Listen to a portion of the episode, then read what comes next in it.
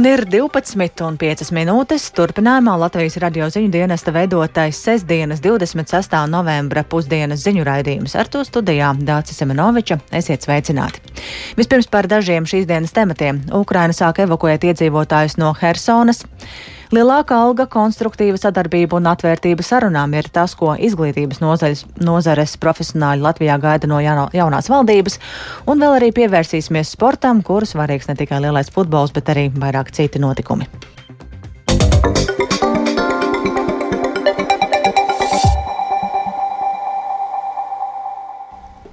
Ukrainas valdība ir sākusi organizēt iedzīvotāju bezmaksas evakuāciju no Hersonas pilsētas.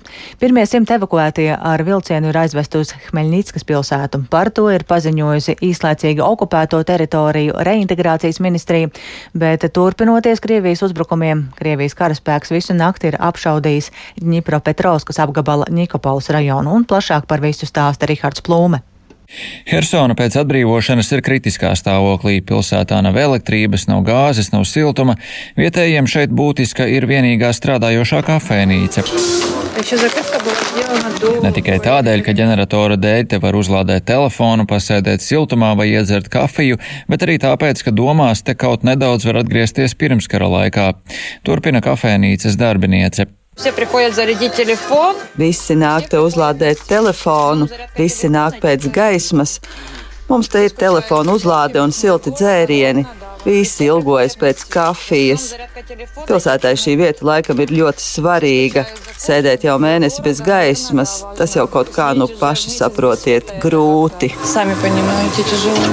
Nemitīgo apšaužu dēļ cilvēki baidās stāvēt rindā pēc ūdens un citām lietām.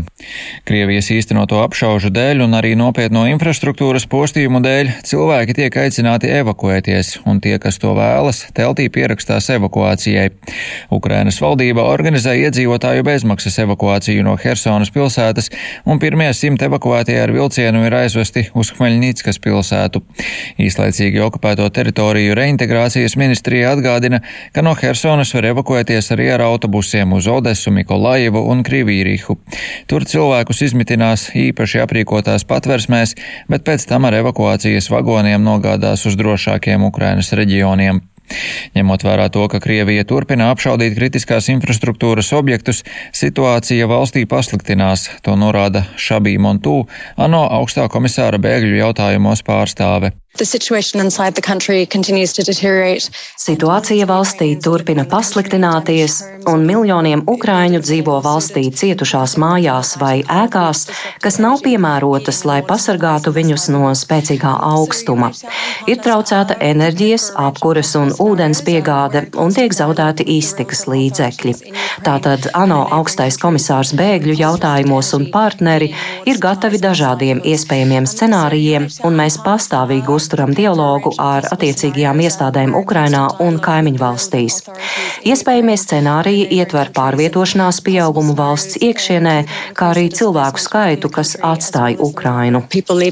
Um, Ukrainas armijas ģenerālštāps vēsta, ka Krievija turpina ciest dzīvā spēka un tehnikas zaudējumus. Pēdējā diennaktī likvidēti vismaz 560 Krievijas karavīri, tā vēsta Ukraina. Īpaši liels zaudējumu skaits esot ienaidnieka vienībās, kas darbojas Luhānskas Donetskas apgabalā. Vietējie morgi ir pārpildīti ar 200 iebrucējiem, paziņojas ģenerālštāps. Kopumā īslaicīgi okupētajā teritorijā ir pieaudzis civilo slimnīcu skaits, ko ienaidnieks izmanto tikai Krievijas militāru personu ārstēšanai. Tādēļ apgabala civiliedzīvotājiem medicīnas pakalpojumi kļūst mazāk pieejami. Tikmēr Ukrainas kontrolētajās teritorijās veselības aprūpes iestādes turpina ciest no Krievijas uzbrukumiem. Saskaņā ar jaunākajiem Pasaules veselības organizācijas datiem, kas apkopoti līdz 11. Novembrim, konstatēti 715 uzbrukumi Ukrainas veselības aprūpas infrastruktūrai, nogalinot 100 cilvēkus un ievainojot vēl 129. Rihards Plūme, Latvijas radio.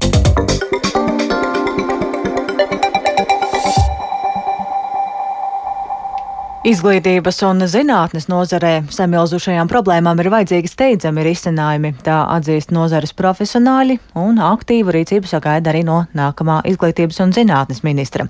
Dagošākais jautājums ir atalgojuma palielināšana visām pedagoģu grupām, bet no jaunā ministra nozara gaida arī prognozējumu un konstruktīvu sadarbību un arī atvērtību dialogam. Plašāk par to Baibas Kušķis ierakstā. 13. sēmas laikā izglītības nozare visbiežāk jutusies nesadzirdēta no nozares ministru puses, atzīst Izglītības un zinātnes darbinieku arotbiedrības priekšsēdētāja Inga Vanaga. To apliecina arī vairāk kārtējie skolotāju piketi un šoruden ieplānotais streiks, kas gan pēdējā brīdī tika novērsts. Nākamo ministru nozara vēlētos jomu pārzinošu, atvērtu sadarbībai un spējīgu rīkoties ātri un izlēmīgi, jo situācija nozarē ir patiesi kritiska. Inga Vanaga min trīs steidzamākos darbus situācijas uzlabošanai. Tātad investīcijas cilvēku kapitālā, pedagogos un zinātniekos, sadarbības kvalitāte jāuzlabos un reformas ar atbilstošiem resursiem, lai tiešām izjustu izglītības kvalitātes paaugstināšanos, izglītības pieejamību un zinātnes attīstību, inovācijas. Ik viens ja nebūs tiešām strauju šo risinājumu gan darba samaksā, gan sabalansētā darba slodzē, tādos nodarbinātības aspektos būtiskos, mēs jau esam zināmā mērā bezdibenī, jo ir vakanču ļoti daudz gan izglītības, gan zinātnes jomā, un ja to neatrisinās, tad tiešām ir apdraudēta jau sistēmas stabilitāte. Latvija ir vienīgā no Eiropas Savienības dalību valstīm, kurā augstākās izglītības finansējums nav atgriezies tajā apmērā, kādā tas bija pirms 2008. gada krīzes. Rektora padomas priekšsēdētāja Rūta Muktupāvela kā degošāko uzdevumu min pētniecībai un attīstībai nepieciešamā finansējuma palielinājumu. Paskatījos arī pēdējos OECD datus, un šobrīd mums ir 0,7% veltīti tieši šai jomai. Nu, protams, atzīstam arī to, ka no 2016. gada dinamika uzrāda palielinājumu, bet joprojām mēs ļoti smagi atpaliekam arī no citām Baltijas valstīm. Piemēram, Lietuvā pētniecībai un attīstībai atvēlētais finansējums ir 1,2% no IKP, Igaunijā 1,8% un vidējais OECD valstīs tie ir gandrīz 3%. Tā kā nu, mēs velkamies ārstē. Pašreizējā izglītības un zinātnes ministre Anita Mužniece norāda, ka līdz šim ir izdarīts diezgan daudz melnā darba, un viens no jaunās valdības uzdevumiem būs pabeigt augstskolu pārvaldības reformu, kas būs leģitīms pamats beidzot nodrošināt konkurētspējīgu finansējumu augstākajai izglītībai. Vispārējās izglītības jomā savukārt būs jāizpilda visas streika novēršanas procedūras laikā panāktās vienošanās. Finansiālā ziņā lēmumi ir pieņemti, un tas ir budžeta bāzē šis finansējums, kas arī dod tādu labu garantiju tam, ka tas nav viengadēji vai mainoties valdībām kaut kas var mainīties. Nu, Finanšu ministrija ir atradusi veidu, ar kādu mehānismu to izdarīt. Tas ir labs veids, nu, teiksim, neuzņemoties kaut kādas neizpildāmas solījumus. Nauda ir atrasta, un 1. janvārī arī tiks piešķirt atbilstoši tam, ko mēs pielēmām. Piesardzīgs optimisms tā izglītības nozares pārstāvji raksturo attieksmi pret izglītības un zinātnes ministra kandidātiem, kuru vārdi līdz šim ir izskanējuši publiskajā telpā. Baiba Kušķe, Latvijas radio.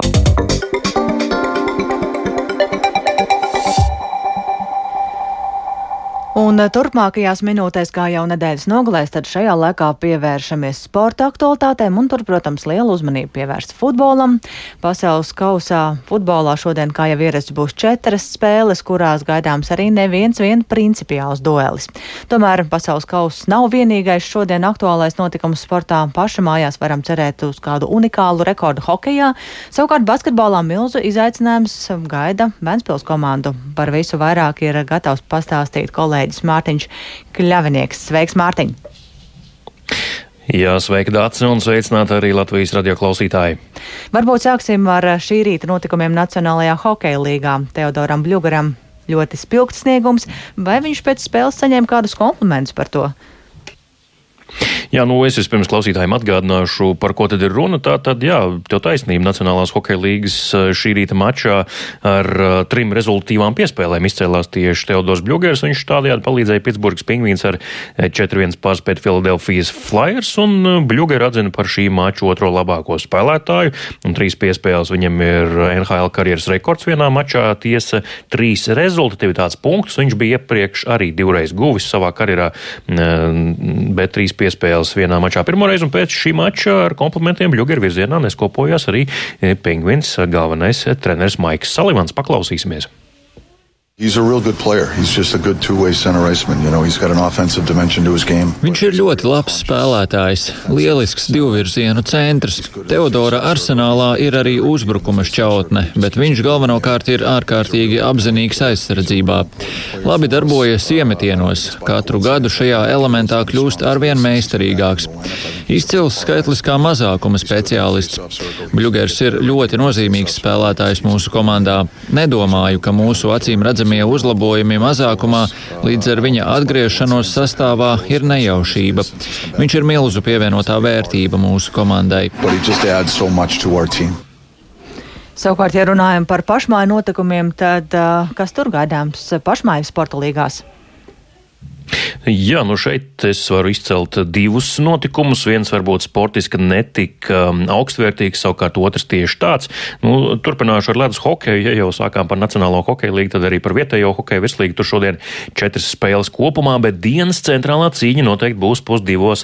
Startējošais Mogo LSP un elektrēna enerģijas duelis. Rīdznieki ir neapšaubām favorīti, bet mača galvenā intriga būt vai nebūt jaunam hokeja virslīgas rekordam. Proti, Mogo LSP ir līgas līderi 19 mačos 19 uzvaras. Ja izdosies uzvarēt arī šodien, tiks sasniegts jauns rekords. 2001. gadā Liepājas metalurgs sezonas sāk ar 19 uzvaru sēriju, bet 20 eh, mačos pēc kārtas sezonas ievadā nevienai komandai Latvijas čempionātā vēl nav izdevies uzvarēt. Tātad spēle Mogo halē Juglā pusdivos dienās savukārt milzu izaicinājums šodien Latvijas-Igaunijas basketbola līgā Vēnspils komandai, kas savā laukumā uzņems līgas līderus Ukrainas klubu Prometei. Mačs Vēnspilī sāksies 5 pēcpusdienā Dace. Un tad visbeidzot par dienas svarīgāko sportā - pasaules kausa futbolā. Kādi mači šodien ir gaidāmi?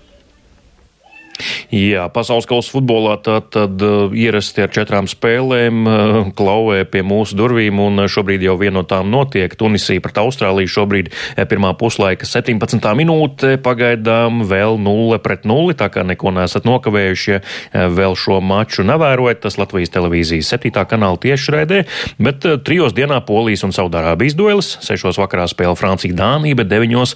Argentīna Meksika, un Francijai Dānijai mm, abām komandām komandām šodienas cīņa būs principiāli, jo abas bija vienā apakšgrupā arī iepriekšējā pasaules kausa fināla turnīrā pirms četriem gadiem. Toreiz grupā savstarpējā spēle noslēdzās bez gūtiem vārtiem, bez vārtu neizšķirti. Savukārt Argentīnai gan principiāli cīņa vakarā deviņos tātad pret citu spāniski runājošo valsti Meksiku, bet arī ārkārtīgi atbildīga cīņa, lai izkļūtu no grupas pasaules kausa pirmajā mačā.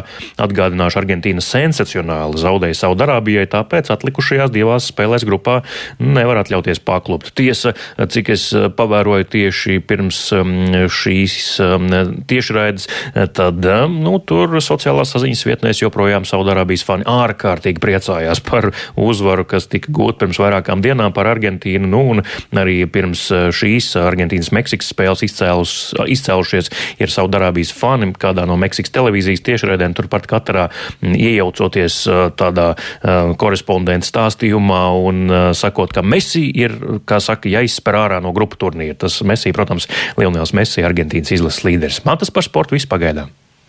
Paldies! Um, mēs sazinājāmies ar kolēģi Mārtiņu Kļavinieku.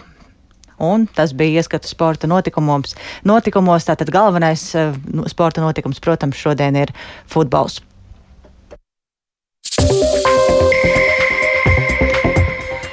Bet ar to izskan ziņu dienesta veidotā programma Pusdiena producente Agnese Vasermane, ierakstus montēja Uldis Grīnbergs, par labskaņu rūpējās Kārlis Rašmanis un ar jums sarunājās Dācis Semenoviča.